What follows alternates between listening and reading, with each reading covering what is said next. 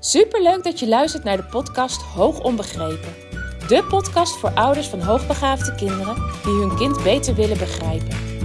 Mijn naam is Eveline Noordzij en in deze podcast deel ik tips en inspiratie zodat jij jouw kind beter gaat begrijpen, meer en meer in jezelf gaat geloven en durft te gaan vertrouwen op jouw intuïtie. Hoe ga je om met uitdagende situaties? Wat heeft jouw kind van jou nodig? En hoe zorg je voor verandering zodat jouw kind zich gelukkig voelt? Ik heb er veel zin in om dit allemaal met jou te delen. Dus laten we voor vandaag maar beginnen.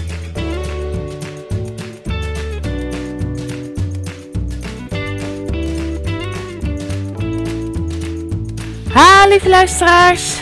Zo, daar ben ik weer op mijn ochtendwandeling. Er staat best wel wat wind. Ik ga het gewoon proberen. Proberen om deze podcast op te nemen en te kijken of het aan te horen is. Ik luister hem zelf altijd eventjes na voordat ik hem online zet. Dus mocht je deze horen, dan heb ik hem in ieder geval goedgekeurd. Nou, ik ga heel even met je terug naar afgelopen zondag. In de vorige podcast had ik het al verteld dat ik uit eten ging met mijn familie.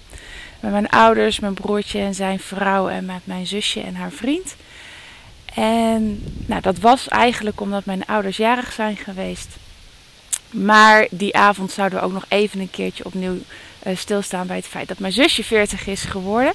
Dat hadden we al gedaan tijdens een feestje, maar toen was ons cadeau er nog niet en die wilden we alsnog aan haar geven. En ik vertelde al dat dat een klossie was. Die hebben we helemaal gemaakt met foto's van haar en met verhalen over haar. Enorm veel werk geweest, maar ook heel erg leuk om te doen. En die hebben we gegeven. Ze was er heel blij mee. Ze vond het echt ontzettend mooi cadeau. Ze stuurde later ook nog een berichtje nadat ze alles had gelezen. Van, ja, dat het gewoon super was om een stuk van haar, ja, van haar verleden terug te lezen en op papier te hebben staan. Dus uh, ja, echt, echt heel leuk. Maar tijdens, uh, ja, tijdens het eten uh, raakte ik in gesprek. onder andere met mijn zusje, mijn broertje en mijn moeder. En toen ging het over dat wij vroeger best wel eens dingen niet mochten. En nou ja, er kwamen een aantal voorbeelden op, uh, op tafel. En mijn moeder zei: Echt? Heb ik dat toen gezegd? Jeetje. Nou, daar kan ik me nu niet, niks meer bij voorstellen. Dat, je, dat jullie dat niet mochten. Of dat, jullie, hè, dat ik daar uh, echt een mening over had. En uh, dat, ja, dat daar geen, geen weg meer te vinden is. Geen tussenweg meer te vinden is. En uh, nou, ze keek er nu vanuit het perspectief dat ze nu heeft heel anders tegenaan. Vond ik sowieso al heel erg leuk om te merken. Zodat je naarmate je ouder wordt en je ontwikkelt, je toch ook anders naar dingen gaat kijken. Maar toen zei op een gegeven moment iemand van ja, maar zo erg is het toch eigenlijk helemaal niet om een keer ergens nee op te zeggen. En ik liet dat eens even bezinken en ik zei nee, dat klopt wel. Het is ook helemaal niet erg om een keertje een nee te horen. Maar op dat moment dat de nee is, omdat je dat zegt, omdat het iets in jou raakt als ouder, of omdat het is, ja, omdat je dan te maken hebt met een eigen angst, de angst voor de mening van anderen, wat anderen wel niet zullen vinden, of het wel zo hoort, of het wel zo moet, dan is het wel een ander verhaal. Want dan is het niet authentiek. Dan komt het niet uit jouzelf. Maar dan, ja, dan gaat het om de mening van een ander eigenlijk. Daar wordt jouw beslissing dan op gebaseerd. En ik vond het eigenlijk, ik, dacht, ik was er later nog over aan het nadenken. En ik vond het echt wel heel erg interessant. Want ik denk dat dit namelijk heel vaak voorkomt. En dat dit ook een van de redenen is waarom ouders strijd met hun kinderen ervaren. Want als jij een keuze maakt om jouw kind iets niet toe te staan of iets te verbieden, waar ik op zich helemaal geen probleem mee heb, want dat doe ik zelf ook. Sommige dingen kunnen niet of mogen niet. En daar heb ik dan ook echt een goede reden voor. Maar als je dat alleen maar zegt, om alleen maar iets niet toestaat, omdat het dan is, omdat je bang bent voor de mening van een ander, ook al is het bedoeld om jouw kind te beschermen, ja, dan, dan is het niet authentiek. Dan komt het niet uit jezelf.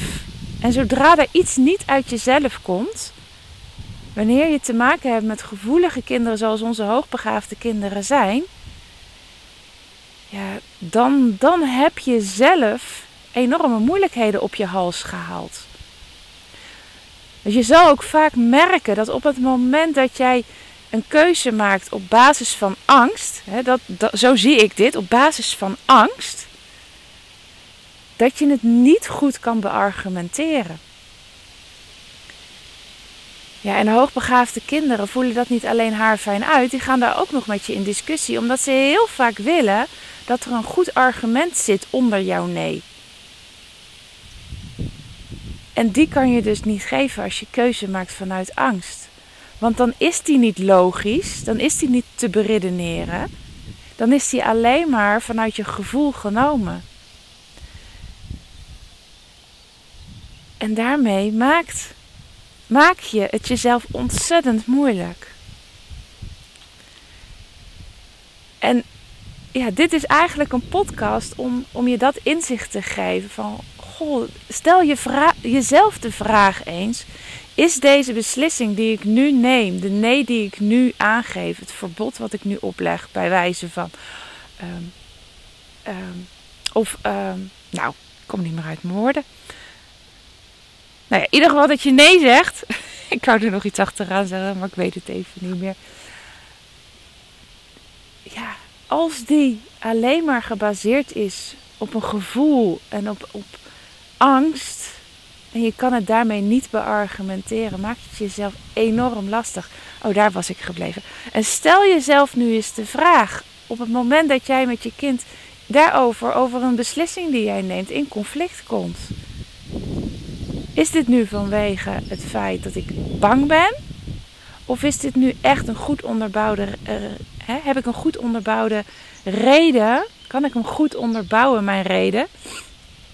Om te zeggen, nee, dit kan echt niet. En je zal merken aan je, aan, als je, als je voor jezelf weet welke keuze je maakt. En je maakt een keuze vanuit echt logica en echt dat je het kan beredeneren, dan zal je merken dat die beslissing van jou vele malen makkelijker geaccepteerd wordt door je kind dan op het moment dat je een beslissing alleen maar maakt vanuit een gevoel, vanuit een angst. Want dan kan je hem gewoon heel vaak niet onderbouwen. En dan kom je eigenlijk aan met drogredenen. Let er maar eens op. En ik vind het bij, bij mij thuis merk ik het ook nog steeds. Ehm, ik ben me er heel erg van bewust. Maar ook ik ben een mens. En ook ik maak wel eens beslissingen vanuit mijn angst. Of vanuit het willen beschermen van mijn kind. Ja, en daar zitten ze niet op te wachten. Dat zijn de meest moeilijke gesprekken die ik voer. En als ik, als ik dan besef tijdens zo'n gesprek met mijn kind van oké, maar dit ligt echt bij mij. Ja, dan ben ik ook de eerste om dat naar ze te benoemen. Van oké, ja, hè, misschien heb je wel gelijk dat dit echt niet zo. Ja, dat ik het misschien zo niet moet zien. Of dat ik je niet moet zeggen dat iets niet mag. Omdat het eigenlijk betekent dat het mijn angst is. Of hè, dat zeg ik niet altijd met, mijn, met deze woorden. Dat het gewoon niet reëel is waarom ik nu zeg dat jij iets niet mag. En dat is ook, die eerlijkheid is ook noodzakelijk in de relatie met je kind. Ik geloof er heel erg in dat je terug mag komen, maar dat is een ander onderwerp, maar terug mag komen op, op woorden die je hebt gegeven. Als je zegt nee, terwijl je beseft halverwege van oké, maar dit is echt mijn eigen angst. Dit heeft niks met het kind te maken. Is ook niet in het belang van het kind dat ik nu nee zeg. Weet je, want daar gaat het om. Wanneer je je laat leiden door angst, is het heel vaak niet in het belang van het kind, maar het is in het belang van jou.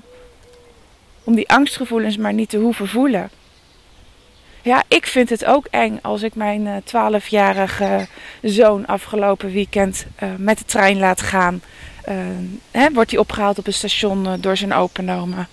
En als hij dan vervolgens ook nog zegt: Oh, maar je hoeft me niet naar het station te brengen, want ik ga wel met de pont even over. En dan step ik wel naar het station. Dat ik in eerste instantie denk: Nou, nee, ik vind het al heel wat dat ik je naar het station breng en dat je daar op het station weer opgehaald wordt door opa. Maar dat is mijn angst. Ik vond dat heftig. Maar hij geeft aan, ik zie dat zitten. Ik ga vaker met de pont, ik kom er wel. Dan moet ik leren loslaten. En dat is niet altijd makkelijk. Maar het zegt namelijk iets over mij, over mijn angsten. En niks over, over hem. Het zegt niks over hem. Het zegt alles over mij. En dat maakt dat het zo belangrijk is om elke keer naar jezelf te kijken. En in dit geval zei ik van nee joh, dat hoeft toch niet. Ik breng je gerust even. Of papa brengt je gerust even. Geen probleem, geen probleem. Waarop hij zei: Nee, maar ik wil dit echt. Ja, maar, zei ik. Maar dat was, het was een kul argument. Ik weet niet eens meer wat ik zei, waarom ik een ja maar zei. Die die zo ook onderuit haalde. En toen moest ik zeggen: Oké, prima, weet je, ga maar, doe maar. Ik vind het spannend, maar als jij denkt dat je het kan, moet, ik, moet je het gewoon vooral doen. En uiteindelijk is het supergoed gegaan. En het mooie is, hij kreeg er een boost van uh, met zelfvertrouwen. Dus heb je werk echt vaak discussies hierover? Neem dit eens onder de loep. Ga eens echt kijken. Van wie is dit? Is het van mij? Is het echt? Is het echt nodig om nu deze nee te zeggen? Is het echt nodig om nu ja, te zeggen dat iets niet kan of niet mag? Of heeft het echt vele malen meer met jouw eigen angst te maken? Nou, ga ik hierbij afsluiten. Ik denk dat de boodschap is overgekomen voor degene die het, uh, die het kan en wil horen. Wijs ik je nog heel eventjes op de podcastcursus Hoe overleef ik de zomervakantie. Inmiddels staan er al drie modules. Vandaag ga ik verder met module 4. Dat is ook tevens de laatste module. Je kan deze hele week totdat ik module 4 ook afgerond heb, dat neem ik toch aan dat dat deze week echt gaat lukken, kan je nog instappen voor het bedrag van 25 euro. En ja, daarin in de podcastcursus neem ik je mee aan de hand van, goh, wat kan je allemaal doen? Waar heb je zelf invloed op om er een echt een fijne, leuke zomervakantie van te maken? Want ja, heel veel ouders die aangeven bij mij toch van, goh, ik vind het best pittig zes weken lang mijn kind thuis. En wat ik me ook kan voorstellen, dat kan ook echt heel pittig zijn. Maar ik weet zeker dat met de handvaten die ik je aanreik in deze podcastcursus, dat het vele malen makkelijker en gezelliger gaat worden. Nou, wil je er nou meer over weten, omdat je echt wel geïnteresseerd bent? Uh, je kan me volgen op Instagram. Daar deel ik uh, regelmatig uh, welke podcast ik nu weer heb opgenomen, wat erin zit. Instagram zei ik, als het goed is, hoop ik. Ik ben te vinden op Instagram, Evelina underscore Noordzij. Maar je mag me ook altijd even een berichtje sturen. Dat kan via de DM van de Instagram, maar dat mag ook via de mail info at specialistinhoogbegaafdheid.nl Nou, ik spreek je binnenkort weer. Fijne dag. Doei doei.